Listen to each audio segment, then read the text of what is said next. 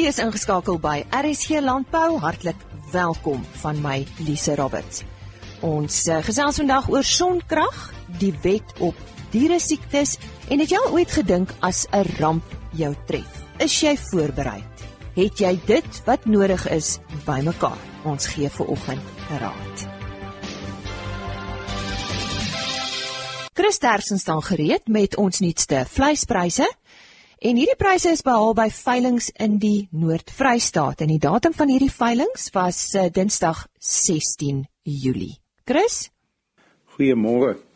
Ek gee graag vir julle die verslag van die week van die 16de Julie. Maar daar is 'n paar dinge wat ons net moet duidelik maak. En die een is die pryse wat ons gee is vir die beste kwaliteit lewende hawe op die veilinge. Want as ons gemiddeldes gebruik, dan meen dit ons gaan 'n paar vreeslike swak ossies vergelyk met die mooiste speenkalvers op die veiling en dan sê die gemiddeld eintlik baie min. So dit is eintlik net die beste kwaliteit vee op die veiling se pryse. Die tweede is ons moet onthou as ons laat winter ingaan dan is dit normaal vir vetkoeie se pryse om te begin styg. Ons hoop almal dat speenkalverpryse sal styg, maar dit hang baie af van die mielieprys en die prys van A grade in die winkels. Ons sal dit wel vir jou rapporteer sodra ons dit het. Geef julle die presiese pryse. Speenkalvers onder 200 kg R30.88 per kilogram. Van 200 tot 250 kg R29.07 en oor 250 kg R21.11. A klasse R25.15 B klasse R20.31 C klasse R19.53 en ons hoop tog binnekort sal dit weer oor R20 wees. Markkoeie het gewissel van R15.50 tot R17.25. Slagbulle R21.04. Skape, stoorlammetjies R38.26. Slaglammers R30.59. Stoorskape R25.77 en dis 'n klas dier wat gewoonlik vinnig styg as daar groot feeste is in die informele mark en dan is vetskape R26 en 1 sent per kilogram. Bokke is lammers R38 en 12 sent en ooe R27 22 sent per kilogram. En soos altyd as ons van enige hulp kan wees, skakel maar enige tyd na 082 8075 961. Baie dankie. Sê baie dankie aan Chris Derksen en hulle webtuiste is www.vleisprys.co.za indien jy graag weer na hierdie pryse wil gaan kyk. Het jy al ooit gewonder wat uh, jy sal doen as jy jou huis en alles wat jy besit in 'n brand of ramp verloor? En wel dalk het jy dit al ervaar en dit kan gebeur dat jy vir ure of dae van die wêreld afgesny is. Voorsiening kan tot 'n mate gemaak word en hier verwys ek na 'n go kit. Nou om ons meer hiervan te vertel, gesels ek met Nicoline Neveling, sy is bestuurder direkteur van Navaku Fire and Rescue. Maar voor ons met haar gesels, is dit dalk 'n goeie idee om 'n skryfding of u selfoon byderhand te hou vir 'n paar notas. Nicoline, ek dink sommige luisteraars besef nie die erns van die saak nie. Julle werk redelik gereeld met sulke gevalle. Noem vir ons 'n voorbeeld of twee van gevalle waar mense werklik hulpeloos was en niks by hulle gehad het nie. Goeiemôre. Môre Lise. Ja, ehm um, ons vind baie dat mense dink dat rampe nie ons hier in Suid-Afrika affekteer nie. Ons hoor mos net op die nuus van aardbewings, tornado's en tsunamies wat ander lande verwoes. Maar die realiteit is dat as gevolg van 'n verandering in weerpatrone, loop selfs ons hier in Suid-Afrika deur onder vloede en selfs verwoestende veldbrande as gevolg van die droogte. Daar's so baie voorbeelde waar mense totaal onkant gevang is toe hulle moes ontruim. Ons moet tot die besef kom dat 'n ramp enige tyd en enige plek kan tref en dat ons voorberei moet wees. Net 'n voor, paar voorbeelde hiervan was byvoorbeeld die Nysna brande in Junie 2017, toe meer as 1000 huise in die Nysna omgewing afgebrand het. Desember 2018 is omtrent 20 huise deur brande verwoes in St. Francis Bay en omtrent 45 in Wuppertal. Januarie van hierdie jaar is 10 huise deur brande verwoes in Franskraal en in April was daar die vreeslike vuur in Natal waar omtrent 235 huise verwoes is. Nie een van daardie mense het vermoed dat so iets met hulle sal gebeur nie. Nou voor ons by die inhoud van hierdie houertjie kom, wat moet ons in aanmerking neem voor ons dit begin pak? Eerstens moet hierdie houer van so aard wees dat dit maklik in die kar getel kan word tydens 'n noodgeval. Tweedens moet daar genoeg water, onbederfbare kos en kroniese medikasie in wees om jou gesin en troeteldiere vir ten minste 3 dae te kan onderhou. En laastens is dit noodsaaklik om in ag te neem watter tipe rampe jou area kan bedreig en waarvoor voorsiening gemaak moet word. Bly jy dalk in 'n gebied waar vloede of oorstromings 'n probleem is? Is veldbrande iets wat gereeld in jou area kop uitsteek? Of bly in 'n kusgebied waar orkane dalk 'n bedreiging kan wees? Elke go-kit is uniek en moet gepak word om vir jou en jou gesin te kan werk. So wat stel julle voor in die algemeen moet in hierdie go-kit wees? Daar's so baie dinge wat hierin gepak moet word dat ek nie nou elkeen van hulle sal kan noem nie. Maar 'n paar items is dinge soos die water en die kos wat ons reeds genoem het. Ehm um, toiletware, 'n flits, ekstra batterye, ekstra selfoonlaaiers, eetgerei, 'n basiese noodhulppassie, medikasie. Dit is ook baie belangrik om telefoonlys vir familie en noodnommers byderhand te hê. Sowel as kopies te maak van belangrike dokumente soos jou ID's, kontrakte, polisse en so voort. Maak ook 'n volledige lys van huis en uit vir versekeringsdoeleindes. Hierdie alles kan in 'n leer in die houer gestoor word of op 'n geheuestokkie om spasie te bespaar. Hierdie houer moet vooraf gepak en gestoor word op 'n maklike bereikbare plek. Tydens ontruimings word die houer eenvoudig net gelei en hoef dan slegs ekstra klere, skoene en komberse vir gesinsklere gevat word. Nou ek het uh, toe ek die artikel gelees het oor hierdie Go Kit, was daar 'n interessante uh storie van dis belangrik om as jy kinders het om byvoorbeeld 'n uh, 'n speelding van 'n gunsteling speelding of 'n kombersie of iets daarin te sit net sodat hulle bietjie gemakliker is. Is ek reg? Ja, ehm um, jy moet elke gesinslid in ag neem wat hulle nodig het. Vir as jy klein kindertjies het, gaan jy moet voorsiening maak vir daardie spesiale kombersie, daardie speelgoedjies wat hulle nodig het. Babatjies gaan ekstra doeke met in die kit gepak hê. Daar gaan melk en kossies vir hulle moet wees. En dan groter kinders gaan jy puzzles en en kleurboeke en sulke dinge nodig hê om hulle te kan besig hou. Mm. Nou is daar iewers 'n lys op 'n webtuiste beskikbaar waarna luisteraars net weer kan gaan kyk want ek dink nie dis so maklik om uh, so vinnig al hierdie goed te kon neerskryf nie Nicoline. Ja, ehm um, ons het volledige lyste beskikbaar wat alle items spesifiseer wat gepak moet word en ook die ekstra dingetjies noem wat mense soms maklik kan miskyk. Luisteraars is welkom om my te kontak per e-pos of selfs 'n WhatsApp te stuur indien hulle die lyste wil hê of enige verdere inligting verlang. Nou goed, gee vir ons daai e-posadres.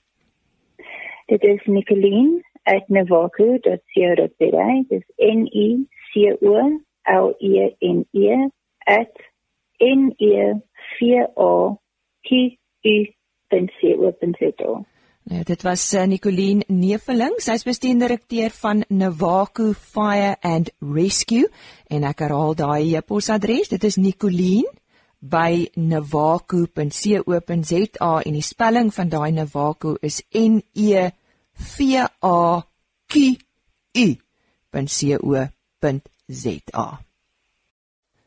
En nou gesels ons met uh, Etienne Jordan. Uh sonkrag is eintlik so half 'n inding deesdae Etienne. Uh is sonkrag baie doeltreffend? Uh die doeltreffendheid van sonkrag is sodanig dat uh mense kan mos nou eintlik net die krag gebruik indien die son skyn. Maar daar is verskillende metodes om dit te stoor, soos byvoorbeeld batterye te gebruik of op die nasionale netwerk te stoor wat ook in op sy eie weer ook maar natuurlik probleme het soos wat ons mos nou al agtergekom het van uh, daar spesifieke lisensies nodig en so voort om dit daar te stoor. Maar daar is soveel son in Suid-Afrika dat dit uh, baie koste-effektief is om wel sonkrag te installeer. Nou tradisioneel dink mense aan sonkrag uh, as uh, die panele wat wat gebruik word. Maar as 'n mens nou aan die sonkragplase dink wat ouens het, ek dink daar in die Noord-Kaap wat hulle spieëls gebruik, dis nou weer 'n ander tegniek. Uh ja, definitief, maar dit is dit staan dan nou nie as net gewone uh, sonkrag bekend nie. Dit is uh, CSP's, dit is con concentrated solar power. Uh wat dit is, dit is hulle gebruik die son om spesifieke vloeistowwe of om items warm te maak om daai hitte te gebruik om stoom te veroorsaak wat weer gewone turbines draai wat elektrisiteit opwek. Nou is so iets te duur vir die gewone man. Uh daar is sommige mense wat dit op klein skaal doen, maar dit is nie heeltemal so koste-effektief om dit regtig op klein skaal te doen nie. Dit is projekte wat gaan van rondom by uh 40 megawatt en hoër wat jy dit nou regtig waar gaan kry dat dit koste-effektief is. Ja, die, die prys van sonkragpanele het nogal afgekom, nê? Nee? Geweldig baie die afgelope 10 jaar uh dit het meer as gehalveer as 'n mens nou kyk uh hoe die inflasie opgaan en hoe als duurder raak, is dit eintlik snaaks dat sonpanele jaar vir jaar eintlik relatief goedkoper raak. So dit het definitief baie verminder die prys van sonpanele. En en die prys van batterye? Die prys van batterye het effentjies afgekom, maar dit het maar taamlik gestabiliseer. Dit raak uitdruklik nog nie beter nie omdat die meeste van die maatskappye nog bly op ou tegnologie en daar is in ons land veral nie regtig waar navorsing om te te kyk na beter maniere om stoorkapasiteit te kry nie. Groot uh, groot hoeveelhede stoorkapasiteit wat Eskom sal moet kyk na is om uh, nog ekstra wateropgaarskemas te bou waar hulle deur middel van die uh, oppomp en afvloei van water weer die elektrisiteit kan heropwek wat hulle gestoor het. Ons praat nou uh, in 'n landbouprogram uh natuurlik uh boere kan sonkrag natuurlik baie doeltreffend gebruik, né? Nee? Definitief so, dit is ook nie nodig dat hulle dan nou definitief batterystelsels moet gebruik nie. As daar spesifieke applikasies is waar die sê net maar pompe of items wat hulle wil aandryf net gedurende die dag moet loop, dan is dit eintlik 'n ideale situasie. Uh geweldig baie boere maak hulle gronde nat of besproei gedurende die dag en dan al daai energie wat hulle in die dag gebruik om besproeiing te doen kan hulle van sonkrag afkry. Uh hoe doeltreffend uh, energiegewys is 'n sonkragpaneel? Energiegewys, kyk 'n mens moet mos nou kyk na die hoeveelheid energie wat van die son afkom en hoeveel jy opgaar. Ja. Uh heidaglik is dit nog nie naaste by na 100% toe nie. Ons is ek dink in die huidigelike ek sal eers moet gaan navorsing is heeltemal reg op in my kop daai nie, maar ek dink ons loop op die oomblik in 'n omgewing van 22 na 23% toe van dit wat die son uitstraal wat ons met 'n sonpaneel heidaglik kan opvang. Ja, ek weet die ruimteouens uh op Mars en so en hulle werk op 'n doeltreffendheid van 40%. Ja, maar die ding is dit gaan ook maar oor uh hoe duur die sonpanele ja. wat jy koop. Uh as jy baie duur sonpanele koop, dan kan jou doeltreffendheid baie opstoot, maar uh soos byvoorbeeld uh, uh monokristalline panele wat 'n duurder paneel is, hy's baie meer effektief as die polykristalline wat nou baie algemeen te koop is. Maar as jy gaan kyk hoeveel jy duurder betaal vir die hoeveelheid energie wat jy kry, is die goedkoper een maar die beter een om te gaan.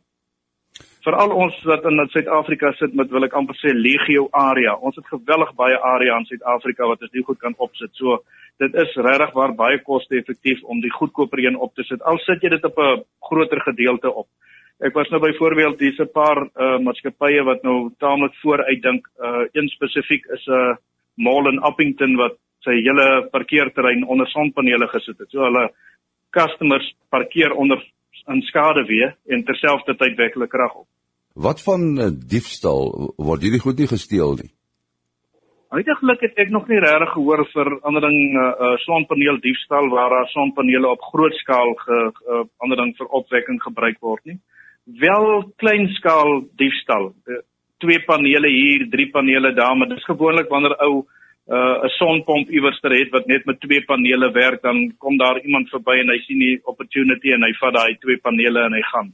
Maar gewoonlik by groter installasies wat uh, groot sonkragstelsels is, het die mense daarom 'n veiligheidsheining om of iets van die aard. So die diefstal wat dit betref is nie regtig waar baie groot wat dit by groter sonplase en dan natuurlik nou by sonplase kom met uh landboupersoneel self opsit. Wat is jou indruk uh is die boere nogal vatbaar vir, vir die idee van sonkrag? Ongelooflik. Uh veral in die Noord-Kaap area is daar geweldig baie boere wat bitterlik graag wil gaan en uh oorskakel na uh, sonkragstelsels, toe maar spesifiek sonkragstelsels wat op die nasionale netwerk koppel. Maar ons sukkel geweldig baie met Nersa en met Eskom om die koppelings te doen. Uh ek vat byvoorbeeld in my area is daar twee stelsels wat nou in verlede maand, middelverlede maand gekoppel is wat vir meer as 'n jaar lank idle gestaan het omdat hulle nie die regte handtekeninge kon kry by Eskom en by Nersa nie. Maar nou ek verstaan dit ook tot 'n mate toe om die eenvoudige rede is dat uh huidigelik in Suid-Afrika is dit nog net myne fabrieke en basically die landbousektor wat vir Eskom betaal. Munisipaliteite betaal nie en verstaan jy so op die einde van die dag wil ek neem aan Eskom ook nou nie van hulle kliënte verloor nie. So hmm. dis seker ook om hulle sukkel om die goed af te teken en gekoppel te kry. Uh hoe werk dit presies as as 'n mens nou gebruik maak van die Eskom netwerk? Jy sê mens stoor dit daar. Uh as jy 'n uh, sekere kapasiteit in die netwerk inpomp, uh, kry jy dieselfde uh, kapasiteit of dieselfde hoeveelheid uh sal ek maar sê energie terug. Kyk, uh internasionaal is die spesifieke stelsel van stoor op die nasionale netwerke baie algemene ding. Maar waar wa, op die einde van die dag moet die nasionale netwerke onderhou word. Nou as jy net jou energie vat en daar stoor en net so weer terugkry, waar gaan jou nasionale reguleerder die geld kry om die netwerk te onderhou? So internasionaal werk hulle, hulle gee jy stoor 'n sekere hoeveelheid en jy kan net 'n gedeelte daarvan terugkry. Nou, daar is sekere munisipaliteite in ons land wat uh, dit toelaat om energie op 'n netwerk te stoor vir die munisipaliteit self. Uh die spesifieke een wat ek nou mee te doen het, ons uh, as jy 100 eenhede stoor, kan jy 50 eenhede terugkry. Nou die 50 eenhede wat jy daar verloor is nou wel 'n klompie eenhede. Dis uh basically nou dat die munisipaliteit daar hulle netwerk kan onderhou, maar dis nog steeds goedkoper as om dit op 'n battery te stoor. So as jy dit op die nasionale netwerk kan stoor, verloor jy dalk 'n klomp as hulle net vir jou die helfte teruggee, maar dis definitief beter as om 'n batterystelsel te koop. Ons hartlike dank aan Etienne Jordan wat soos jy gehoor het, gesels het oor die gebruik van sonkrag op die plaas. Die wet op diere siektes is oorspronklik daar gestel om diere siektes te beheer en maatreëls vir die bevordering van dieregesondheid in plek te stel. Nou uh, ek het die voorreg om vandag by VDT prokureurs te wees om met Johan Taljaard hieroor te gesels. Maar ons gaan uitvind wat dit prakties vir eh, vir vir boere en vir boerdery beteken. Johan, wat behels 'n uh, diere siekte soos dit in die wet omskryf word? Die wet om diere siektes, sowel as die term diere siekte, dis regtig is baie wyd. So 'n uh, diere siekte is enige siekte waarna 'n dier onderhewig is. Uh, dit tas die normale funksionering van die orgaan of 'n liggaam van 'n dier aan. So diere wat onderhewig aan die wet op diere siektes is, is alles van jou amfibieë, voël, visse, reptiele, soogdiere wat almal werweldiere is. Ehm uh, diere wat spesifiek ehm um, deur die wet gedek word en waarvoor ook bepaalde beheermaatreëls voor voorgeskryf word is beeste, varke, skape, hoenders, honde, katte tot jou buffels, volstruise, kooivisse, vlakvarke, val alles onder die wet. Wat egter belangrik is is hoe die wet uh, onderskei tref. Jy het jou uh, jou aanmeldbare diere siektes en dan het jy jou beheerde diere siektes. So vir jou aanmeldbare diere siektes is daar nie 'n spesifieke beheermaatreël voor voorgeskryf nie, maar jy moet dit nog steeds by jou staatsveearts gaan aanmeld en dan jou beheerde diere siektes is daar wel 'n spesifieke beheermaatreël voor voorgeskryf. Wat sal van jou algemene diere siektes wees aanmeldbaar en beheerd? Ja, meldbare siektes sal byvoorbeeld uh, blou tong, um, knopvel siekte, vlek siekte en snot siekte wees. En van jou beheerde diere siektes sal byvoorbeeld uh, brucellose, oftewel BM, um, milt siekte en Afrika perde siekte wees. Ja, en back and close here, die aard van die saak. Wie is verantwoordelik vir die aanmelding van 'n diere siekte? So in terme van die wet is die is die eienaar, ehm um, sowel as die besitter van die plaas verantwoordelik om die diere siektes aan te meld. Ehm um, so dit moet verbaal eersins by die plaaslike staatsveearts aangemeld word. En dan moet jy so vinnig as moontlik daarna skriftelik bevestig net wie jy is, ehm um, waar jy bly, uh, wat die betrekkelike simptome is wat jy waargeneem het, uh, waar die dier tans gelees en of die dier ook met enige ander diere mee in aanraking gekom het. Wat is van die moontlike implikasies vir 'n boer, sy kudde en sy grond sou 'n diere siekte op sy plaas aangemeld word? So ek wil eers net begin deur te sê dat die direkteur van die direktoraat van dieregesondheid regtig baie wye magte in terme van die wet het. So 'n direkteur kan uh, met kennisgewing uh, vanaf 'n bepaalde periode en vir 'n vasgestelde tydperk kan hy die grond betree en dan um, letterlik kamp opslaan en heininge oprig en uh, baie op die grond aanlê en um, basies totaal en al beheer oor die grond neem.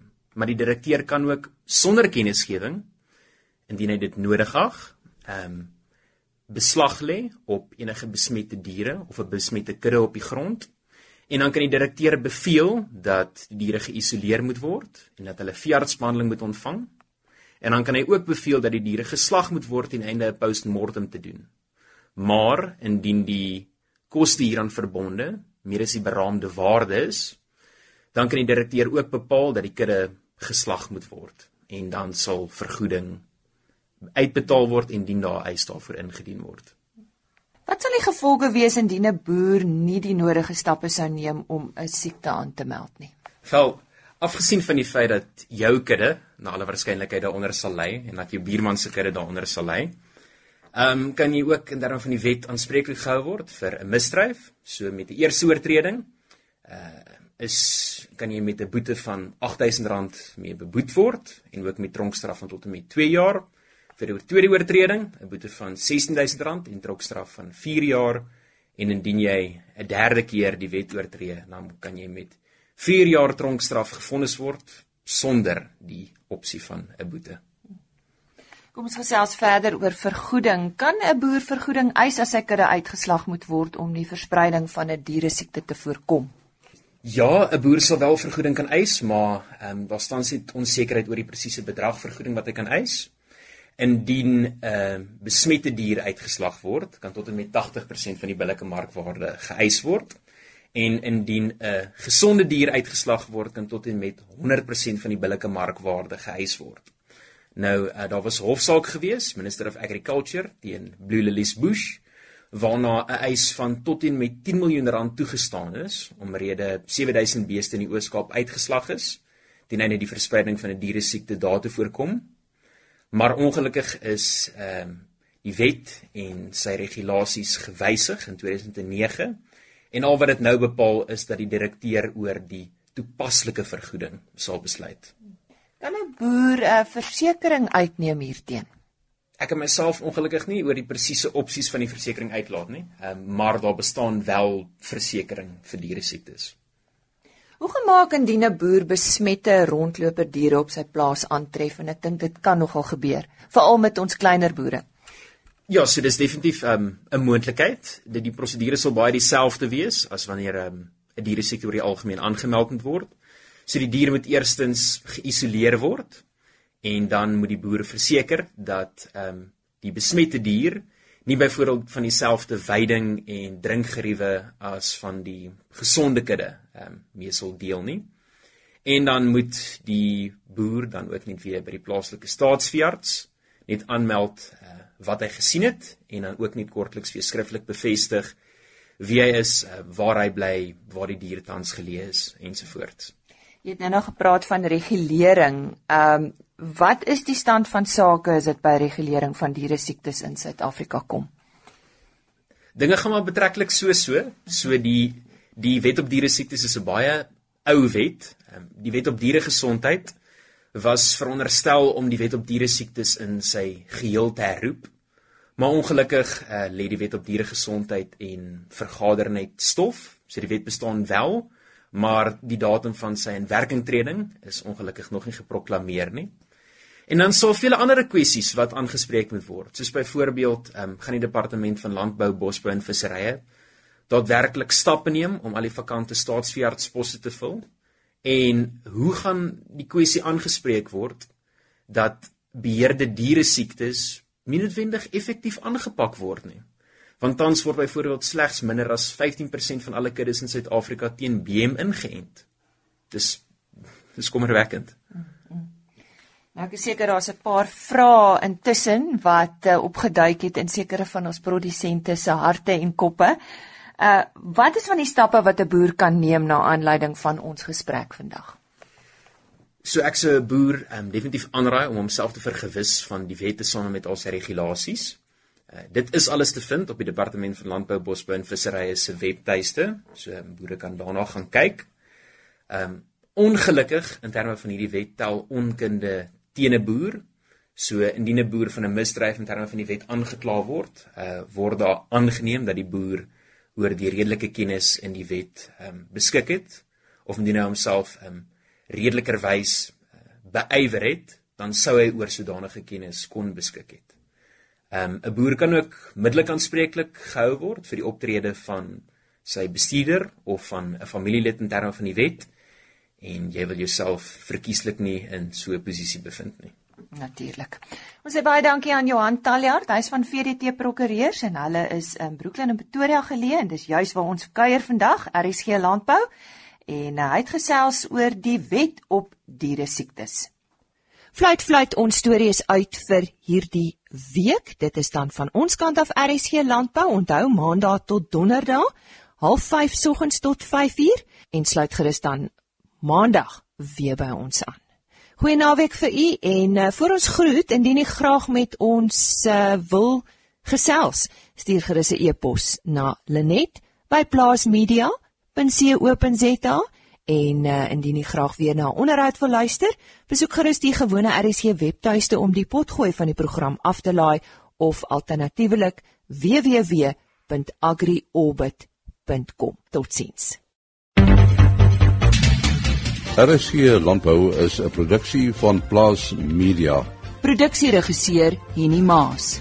Aanbieding Lisa Roberts. En inhoudskoördineerder Jolandi Root.